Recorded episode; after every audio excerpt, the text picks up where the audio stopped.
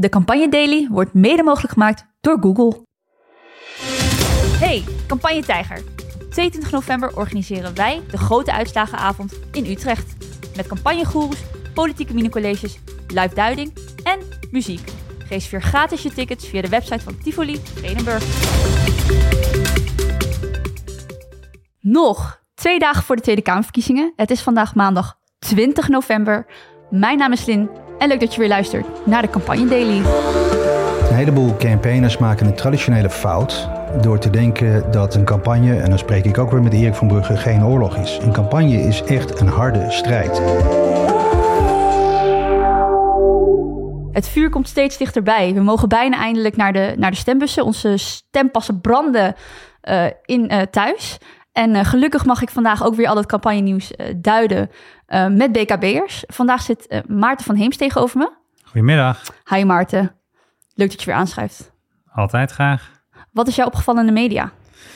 Heel veel. Ik vond één dingetje wel heel grappig. Uh, de hele krant uh, paalde natuurlijk uit van de politieke advertenties. Had voor mij nog wel meer gemogen. Ik miste ook wel wat partijen. Maar er stond één advertentie in van Volt... die um, dan met zes keer iets heel radicaals komen. Dat is ook letterlijk... we zijn radicaal in dit, radicaal in dat. En hebben ze in plaats van nummers 1 tot en met 6... hebben ze eigenlijk de dobbelsteen uh, um, figuurtjes van 1, 2, 3, 4, 5, 6... En toen dacht ik, ja, dat is nou, waarom zou je uh, een programma presenteren wat zo radicaal is en dan zelf eigenlijk het symbool van gokken ernaast zetten? Van neem met ons een grote gok of zo. Ik vond het een heel aparte manier om uh, op die manier je programma te presenteren. En één dingetje viel me nog op. Acht lijsttrekkers mochten hun favoriete boek noemen in de, in de Volkskrant. Twee daarvan kwamen met Stephen King als, als een goede optie. Kerner van der Plas en, en Frans Timmermans. Dus uh, ik had nog verder gezocht of de andere zes hem ook noemen. Ik dacht misschien is er een soort horrorkabinet in de maak. Maar uh, het viel me wel op dat zij hem allebei noemden. We gaan het woensdag zien. En links van mij zit uh, Kai van der Linden. Voormalig spindokter van Pim Fortuyn. Welkom Kai. Dankjewel. Hartstikke leuk dat je aanschuift. Mooi om hier te zijn. Wat is voor jou tot nu toe de meest opvallende campagnemoment van deze verkiezingen? Nou, er waren veel opvallende campagnemomenten. Dit, uh, dit worden denk ik historische verkiezingen die ook uh, ongekend spannend zijn en waarschijnlijk tot de laatste snik ook spannend zullen blijven. Maar wat ik een uh, opvallend moment vond, omdat ik het ook typerend vond voor hoe de campagne zich ontwikkelt, is dat Caroline van der Plas van de BBB op een gegeven moment besloot om Mona Keizer naar voren te schuiven als premierkandidaat. En het hele wel of niet premier worden, dat is toch ook een thema wat in deze campagne een beetje is gaan rondzingen. Dus dat denk ik is uh, zo niet het meest opmerkelijke, wel het meest typerende moment. Eigenlijk begon dan? toen een soort van formatiespel wat deze campagne is geworden. Ja, ja. En ze heeft daar een beetje van het gas voor de eigen voeten weggemaaid. Ja, dat blijkt nu wel, want ze is totaal irrelevant uh, ge gebleken. Je zegt net, het worden misschien wel de meest uh, spannende uh, verkiezingen van de afgelopen tijd. Um, iemand die de spanning uh, opdreef dit weekend was Maurice de Hond, pijler Maurice de Hond. hij kwam met een best wel afwijkende peiling afgelopen zaterdag, waarin de PVV met maar liefst negen zetels sprong, naar boven sprong. En samen met VVD aan kop staat met 26 zetels. Ik dacht dat hij met vijf omhoog sprong. Maar goed, dat is natuurlijk allemaal ten opzichte van welke eerdere peiling je het uh, meet. Uh, duidelijk is dat uh, PVV, als je al die peilingen op een rij zet, een enorme vlucht naar boven neemt. Ja. En het was een trend die ook al in andere peilingen te zien was. dus we gaan het zien. Er komen nog een paar peilingen de komende dagen.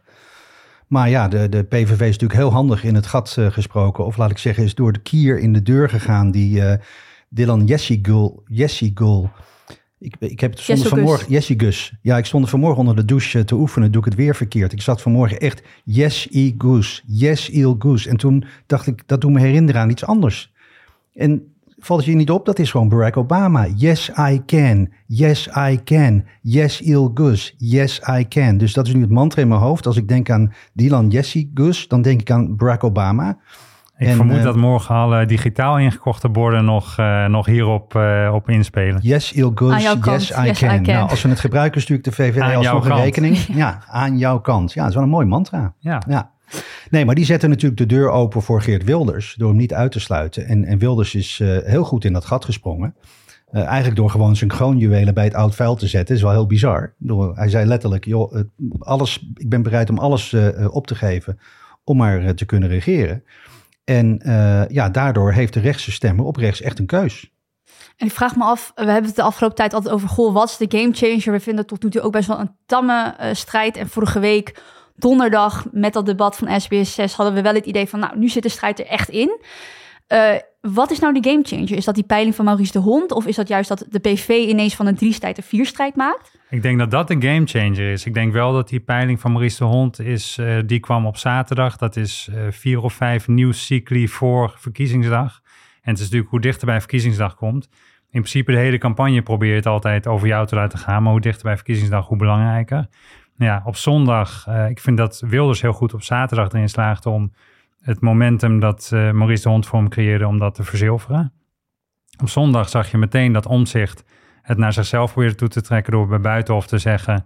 Um, ik ga toch voor het premierschap als we maar met vakministers kunnen werken. Ik parafraseer hem hier natuurlijk. Dat werd meteen, uh, ik appte jou toen al, uh, let maar op vanavond openingsjournaal, morgen voorpagina Volkskrant. Nou, dat, dat bleek ook zo. En ja, er zijn nog twee, drie nieuwscycli tot verkiezingsdag. Maar dat is volgens mij ehm, heel erg het spel nu. Ja, ik, ik zoek de game changer eigenlijk nog eerder. En dat is in de strategische meesterzet van Mark Rutte. Om het kabinet te laten vallen op immigratie. Op het moment dat hij zich realiseerde: ik ben de steun van D66 kwijt, ik ga dit niet overleven. En dat hij echt een, een enorme stap over zijn eigen schaduw heeft gezet. Um, en een leiderschaptransitie is uh, ingezet. Die, laten we eerlijk zijn, voor de VVD uitstekend is uitgepakt. En ook uitstekend is gemanaged we weten allemaal de leiderschaptransities uit het verleden die, uh, die falikant mislukt zijn. Uh, Lubbers met Elko Brikman, Kok naar Melkert, noem ze maar op. bij alle partijen hebben ze wel gehad.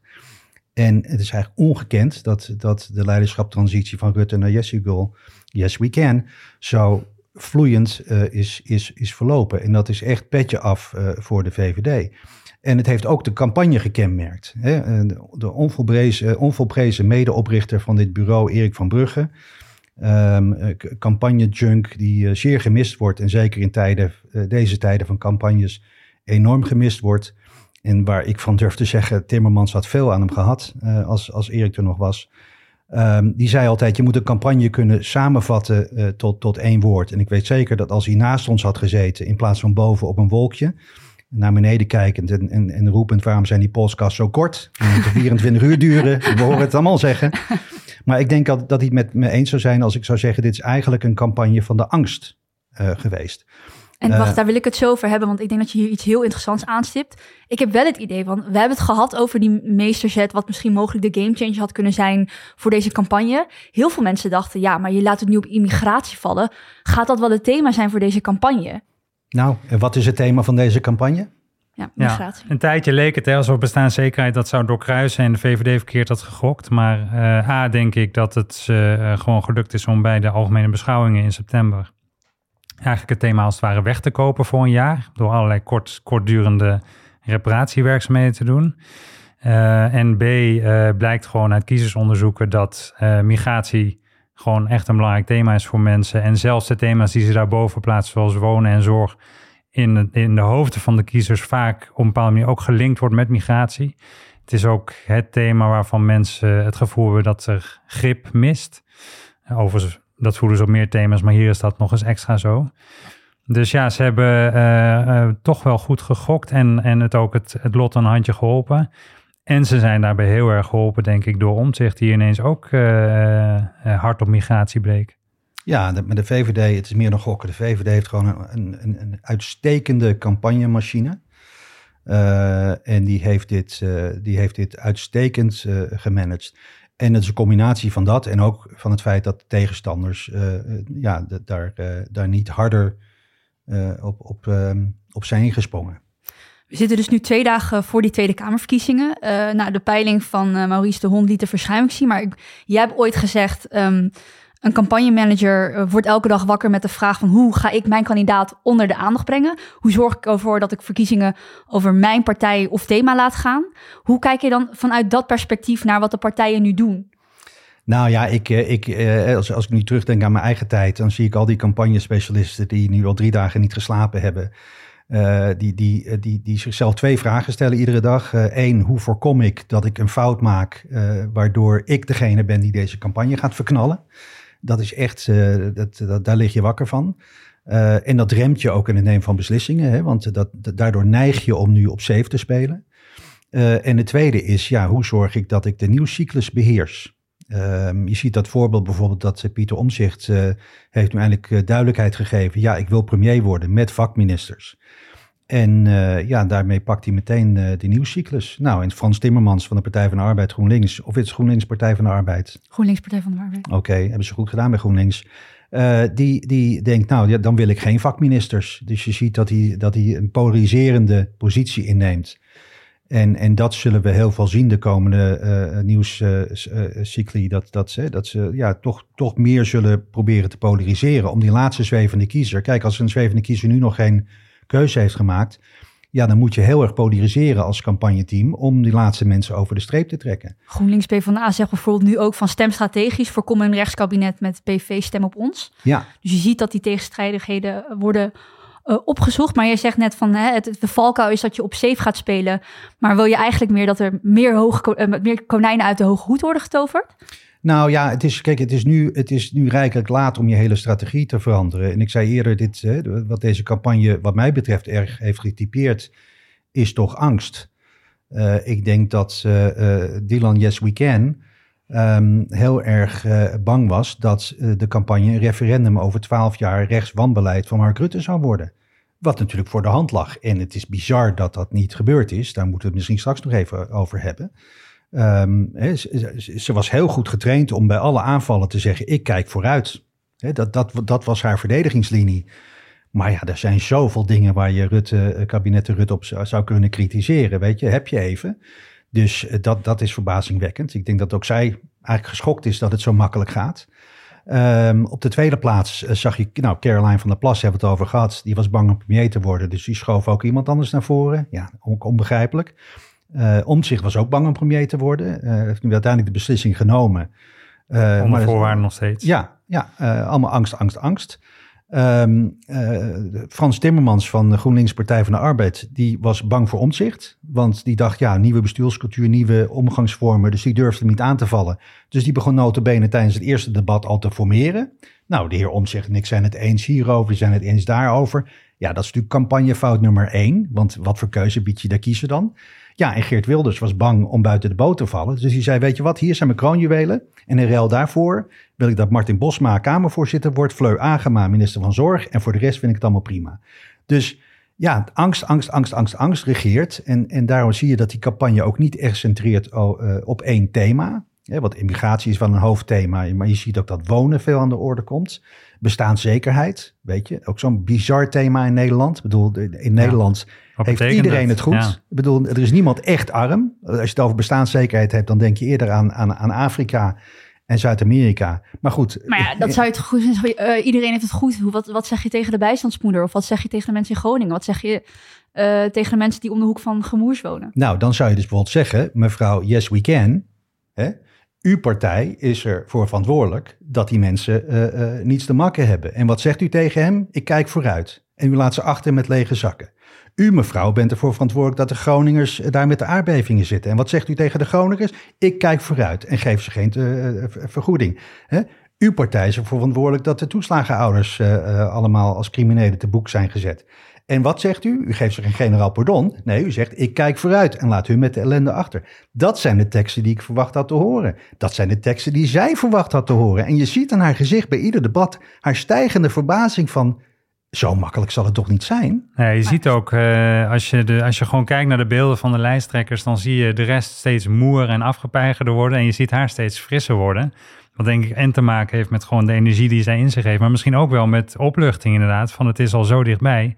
En ze openen die aanval maar niet. En misschien dat die angst ook nog wel op zo'n bazaal niveau is dat uh, mannen van uh, in de 50, 60 zelfs, ja, toch uh, hun hele leven getraind zijn om um, een jonge vrouw niet hard aan te pakken. Ik heb echt af en toe het idee gehad, er ligt hier nu de bal voor het doel in een debat. En dat ze dan niet Jezielgus echt uh, durft aan te pakken. Maar je hoeft toch, toch niet per iemand persoonlijk aan te vallen. Nee, je natuurlijk niet. vrouw zijn aan te vallen. Je hoeft niet aan te vallen op de MGI, maar je moet gewoon aanvallen op wat natuurlijk, de VVD natuurlijk. heeft gedaan. Je, je wil de VVD aanvallen, maar nog steeds. Er staat wel een persoon van vlees en bloed voor je. En eh, kijk, dit is, het is maar psychologie van de koude grond voor mij. Maar ik heb toch af en toe het idee gehad in die debatten dat dat mee heeft gespeeld. Dat ze dan toch een soort natuurlijke ehm, neiging hebben van nou, ik moet niet, uh, niet te hard erin gaan nu. En ik denk dat eerlijk gezegd ook bij veel kijkers dat misschien niet gepruimd zou worden als uh, het overkomt alsof uh, de jonge vrouw uh, op het scherm afgebekt wordt. Nou, ze wordt nee. ook niet echt onder druk gezet. Nee, daar moet je inderdaad heel erg mee oppassen. Maar ik denk dat er best wel een vorm te vinden was geweest. Bijvoorbeeld dat je het allemaal op Rutte had gegooid. Dus je hebt het ja. niet, niet de aanval op haar, maar het is op de aanval op Rutte van 15 jaar wanbeleid. Waar u mede verantwoordelijk voor bent. Um, zij is trouwens niet de enige. Hè. Het is best wel ironisch dat als je kijkt dat, dat de, alle, alle mensen die nu uh, um, uh, kans hebben om de grootste te worden, alle vier, is het establishment. Ja, Wilders, totaal. een van de langstzittende Kamerleden. Timmermans, nou volgens mij ook twee, dat is een Tweede Kamer ingekomen. Yes, yes we can, ook al een tijdje in de politiek. Uh, en Omtzigt, die pretendeert nieuwe bestuurscultuur. Nou, volgens mij uh, hoort hij ook bij het populair van het CDA. Dus dat zijn ook allemaal mensen Hè, die in het verleden onderdeel zijn, geweest van de problemen die zij nu claimen te gaan fixen. Omtzigt is zelfs verantwoordelijk voor het hele toeslagensandaal. Hij is begonnen in zijn carrière om de fraude aan de kaak te stellen. En nu is een hele campagne gebaseerd op het feit dat hij die arme mensen, die hij, hij is ervoor verantwoordelijk. Mijn oude baas en leermeester David Gard zei altijd, weet je, voters have a memory that lasts about six weeks. En dat is zo. Als campagnestratege moet je gewoon realiseren, alles dat ouder is dan zes weken is irrelevant. En wat dat betreft is de strategie van Yes We Can, focus op de toekomst, is gewoon heel goed gevonden. Want dat is wat de kiezer wil. Het, ook iets wat Erik van Brugge, Brugge altijd doseerde als we campagnetrainingen uh, gaven. Uh, campagnes gaan over de toekomst. He, wat wil je bereiken voor de toekomst? Van het verleden ligt achter ons, water under the bridge. En, um, en dat is zo. Nou, we hebben het al over. Uh, ik ben gewoon heel erg benieuwd. We hebben nog maar twee dagen te gaan. Water under the bridge, vooruitkijken. Uiteindelijk, we moeten ervoor zorgen dat er zoveel mogelijk mensen naar de stembus gaan. Maar wat kunnen ze nog doen? Wat, wat zou jouw advies zijn voor die, voor die kandidaten die niet aan kop staan? Of, uh, of een GroenLinks P van de A die misschien bijna wel de eerste positie kan krijgen. Wat adviseer je? Nou, dat is heel lastig om dat te adviseren. Omdat, omdat wat je moet doen als, als, als campaigner is opinieonderzoek doen naar de zwevende kiezer die er nu nog is. En ik weet dat ze dat doen. Uh, ik weet niet wat die uitkomsten zijn. Um, um, en, en op basis daarvan, dus wat, wat, wat, wat je dus in feite wil weten, wat moet ik nu nog zeggen of wat wilt u nu nog van mij horen om mij over de streep te trekken? En dat moet je communiceren. Wat dat betreft is campagnevoer helemaal niet zo ingewikkeld. Ook dat we, Erik van Brugge en ik, die gaven hier ieder jaar geweldige trainingen. En dan zeiden we, campagnevoeren is je neemt een boodschap waarmee je denkt een significant percentage van je electoraat aan jouw kant te krijgen. En vervolgens breng je die boodschap naar buiten en die herhaal je. En die haal je, herhaal je net zo lang totdat het resultaat binnen is. En het eerste wat je kunt gaan doen is opeens allemaal andere dingen gaan roepen in paniek. En welke boodschap is dat? Ja, dat moet je goed onderzoeken. Want er zijn nog heel veel zwevende kiezers. En nogmaals, die zijn dus niet overtuigd door wat er de afgelopen dagen en weken in de campagne is gezegd. Dus als je als campagne-junkie uh, heel goed luistert naar de komende debatten, uh, dan zul je aan de ingestudeerde soundbites merken, hey, dus dat is iets wat de zwevende kiezer belangrijk vindt. Want er is een reden dat Wilders dat zo benadrukt is. Er is een reden dat Pieter Omzicht opeens roept dat hij premier wil worden. En er is een reden dat Timmermans dit roept. Dus het is ook, ja, ik, ik zit dan al te kijken van, aha, dus dat kwam uit de focusgroep. En aha, dat kwam uit Maurice de Hond. Echt, nou, ja. Maar in dat, ik ben het helemaal mee eens, maar in dat licht ben ik ook echt benieuwd. Hebben ze dat dan bij grote uitzondering dan deze zomer niet gedaan bij GroenLinks PvdA? Of kwam er iets uit waar ze niet naar wilden luisteren? Dat is eerder gebeurd. Ooit uh, peilde Melkert in interne focusgroep uh, super slecht. En in plaats van te besluiten, nou ja, dan doen we gewoon heel groot PvdA op de poster zetten ze, wilden ze de kiezer echt door de strot rammen en maakten ze juist uh, een bushokje grote posters met alleen maar de foto van Melkert, zelfs met alleen de roos, zelfs niet eens PvdA stond erop. Ja, dat werd een uh, eerste van historische nederlaag van de PvdA. Nu, ja, ik kan me niet voorstellen dat uit focusgroepen of uit onderzoek onder kiezers komt dat het slim is om op een poster te gaan staan met eerste woord vind ik nog te pruimen, daadkracht. Maar daadkracht en visie, dat staat op de post van de PvdA. Er staat niet solidariteit of het moet eerlijker of we gaan herverdelen of whatever. Er staat niks inhoudelijks op. Dat kan je dan invullen in je debatten, in je publieke optredens. Ook daar heb ik heel vaak gemist dat uh, GroenLinks PvdA er is voor eerlijker delen of solidariteit of, of ja, welke, welke invulling je ook precies aan wil geven.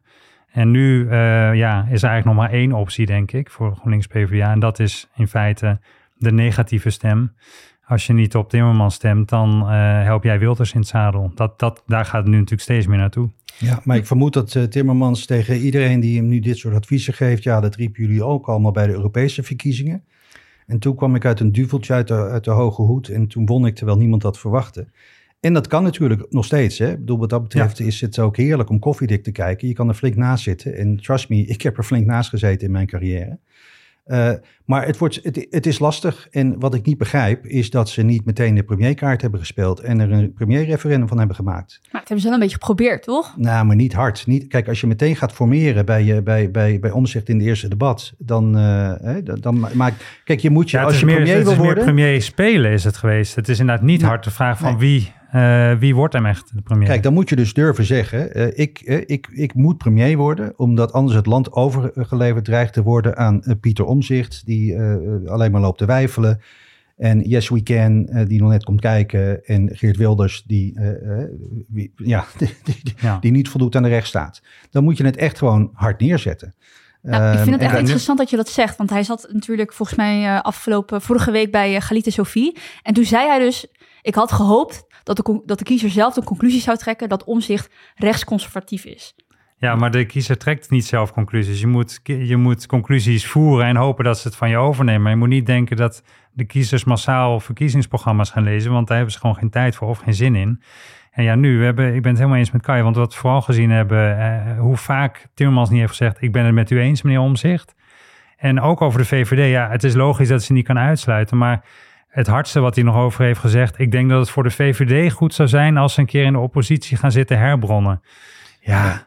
Nou, weet je wat het is? Een heleboel campaigners maken een traditionele fout door te denken dat uh, campaignen geen campaignen betekent. En dat een campagne, en dan spreek ik ook weer met Erik van Brugge, geen oorlog is. Een campagne is echt een harde strijd. En in Nederland zijn we daar vaak bang voor, omdat we al met een half oog naar de coalitieonderhandelingen zitten te kijken. En dat zag je heel erg terugkomen in deze verkiezingen. Um, en Timmermans is ook een beetje, Frans Timmermans is ook een beetje in de val getrapt die Pieter Omzicht voor iedereen heeft gezet, bewust of onbewust, dat dit een, een, een campagne op de inhoud zou moeten worden. Campagne op de inhoud voeren is ook een frame, hè?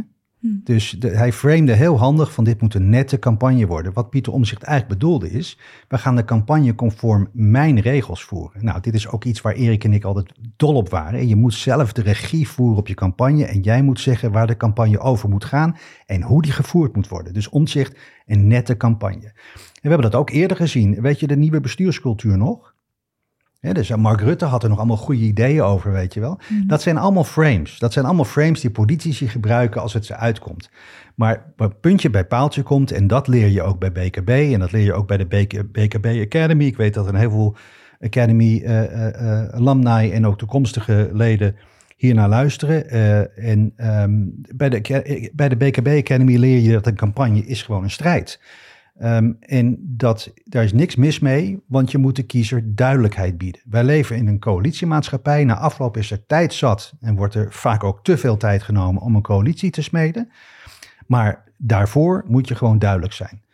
Um, en Wilders is daar weer het goede voorbeeld van. Ik bedoel, dat is een kroonjuwelen durft weg te geven. Dat is ook daadkracht. Dat is ook lef. Hè? Dat is nou een soort beslissing in een campagne waarvan campaigners zeggen zo, dat is ballen. Maar is dat lef of is het gewoon puur opportunisme? Nou, dat is hetzelfde. Het is de zin van, hij, hij, hij, hij weet, dit, hij, dit is zijn enige kans. Die deur staat op een kier en die moet vol open. Hij wil ervoor zorgen dat ze later geen enkel excuus kunnen verzinnen om hem tegen te houden. En dus hè, zet hij alles hij zit all in. Hij is all in. Weet je van die pokerwedstrijden dat mhm. mensen zeggen, James Bond zegt, I'm all in. nou, dat is Wilders. Alles, alle, alle chips gaan naar het midden. En ja, hij maakt het nu heel moeilijk voor omzicht en, uh, en, en, en um, Yes We Can om, um, om hem af te wijzen straks. En dat is natuurlijk de bedoeling. Het nadeel is dat, dat in de onderhandelingen uh, hij straks heel weinig eruit kan sleuren. Maar dat, dat hoeft voor hem ook niet. Kijk, deelname is voor Wilders een overwinning. Want dat, is dat dan soort van het sluitstuk van zijn carrière? Als in waarom nu ineens soort van nou, oh, kroonjuwelen overboord Nou, gooien? dat misschien. Dat, dat zit in zijn hoofd. Dat dit is speculatie natuurlijk. Maar wat ik in ieder geval um, vaker heb gezien bij verkiezingen. Ik ken mensen die PVV stemmen. Als ze vragen waarom doe je dat? Dan gaat het nooit over wat hij dan na de verkiezingen voor zich gaat binnenhalen. Uiteindelijk komen al die antwoorden neer op één ding. Hij zegt het tenminste. Dus voor heel veel van zijn kiezers is gewoon de verkiezingen zijn de finish. Want dat is namelijk de grote dag eens in de twee, drie, vier jaar. Dat zij via Wilders een dikke middelvinger kunnen geven aan het establishment. Dus voor hem, uh, hij zal ook veel minder afgerekend worden op uh, wat hij dan in verkiezingsonder in um, uh, formatieonderhandelingen binnenhaalt. dan bijvoorbeeld een Timmermans of Omzicht.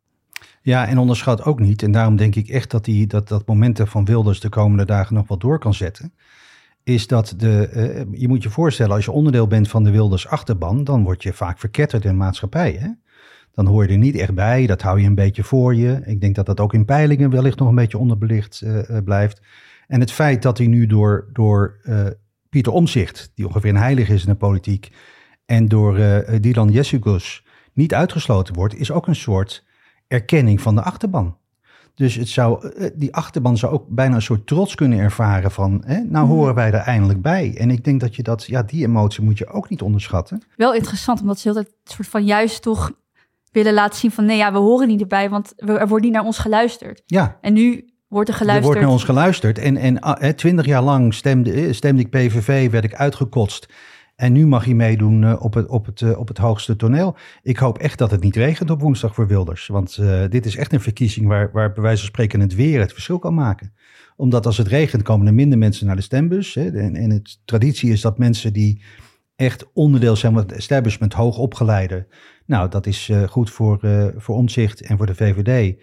Laagopgeleide, dat is goed voor SP, PVV en BBB. Dus ja, dat kan net die ene zetel verschil maken die, de, die het Ja, en zo dicht ligt toch bij elkaar. Want alles is nog nog wel binnen de foutmarges. Hè? Dus uh, ja. als PVV en eh, VVD nu net eventjes uh, hoog zijn uitgevallen bij de hond... en, en de andere twee net wat lager. Ja, zover ligt het niet uit elkaar. We hadden het net nog over ehm, in de lunch... voordat we dit gingen opnemen over de strijd tussen Samson en Rutte in 2012... Achteraf uh, 41, 38 lag het nog redelijk uit elkaar. Maar de dag op verkiezingsavond nog, het kan beide kanten opvallen. En dat is het nu ook nog echt. Ik bedoel, het lijkt alsof uh, het uh, als het ware al in de tas is voor um, ofwel Jezielgus of Wilders. Maar het kan echt nog, ze kunnen echt nog alle vier uh, de grootste worden. Ik wil nog voor als afsluiter van de podcast nog heel even kort uitzoomen. Je, je stipt het net al aan, Kai. Uh, als jij kijkt naar deze Tweede Kamerverkiezingen, dan uh, is het woord angst wat bij jou naar boven komt. Mark voormalig uh, Digital Strategy Director van de VVD, kijkt altijd naar de verkiezingen van, goh, welk verhaal kan je aan het einde van de verkiezingen over deze verkiezingen schrijven? Is dat dan inderdaad de angst regeert omdat we bang zijn voor zetelverlies? Of kunnen we nog met een andere blik alvast deze verkiezingen recenseren? Nou, dat, dat vind ik nu heel moeilijk, omdat dat echt uh, van de uitslag afhangt. Kijk, als we er allemaal naast zitten en uh, Timmermans wordt de grootste, dan krijg je weer het verhaal, de, de, de pijlers zaten er weer eens royaal naast. Um, als, als de VVD de grootste wordt, ja, dan denk je toch echt dat het verhaal is, dit is de meest succesvolle leiderschapstransitie ooit. En als omzicht wint, dan is het een nieuwe bestuurscultuur aan de macht. Allemaal onzin natuurlijk, wordt allemaal weer oude politiek, maar in elk geval dat beeld zal leven.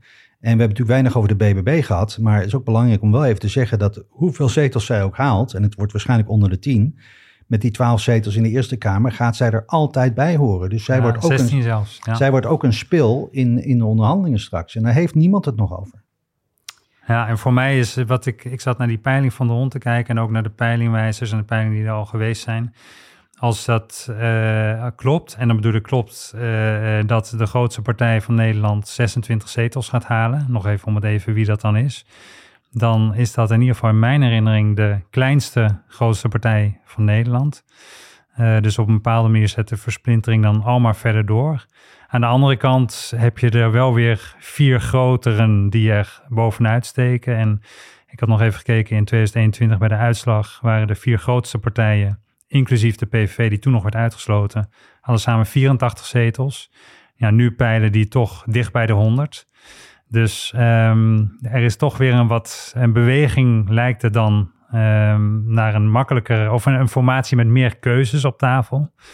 Dus ik ben benieuwd of het verhaal van de verkiezingen achteraf door de uitslag ook niet een beetje daarover zal gaan. Van hebben we nou verdere versplintering gezien of is er toch iets van consolidatie weer in het midden? Ook omdat de uitdagers deze keer veel meer door het midden gaan dan via de flanken. Nou, nog maar twee dagen en uh, voldoende te volgen voor de politieke junkie. Uh, vanavond, uh, nou, Kai had er wel een beetje over het een vandaag verkiezingsdebat, waar volgens mij heel veel gaat gebeuren. op RTL Z om tien voor acht ook nog een debat over thema's als zorgkosten en overheidsfinanciën.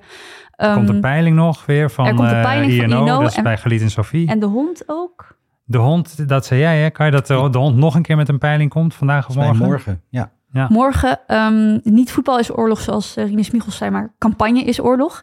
En uh, dankjewel Kai en dankjewel Maarten voor het aanschuiven. Uh, morgen zit Pelle hier samen met Bianca Pander en speechwriter Thomas Nierbos. Dank voor het luisteren iedereen en tot morgen. Tot morgen. Tot morgen.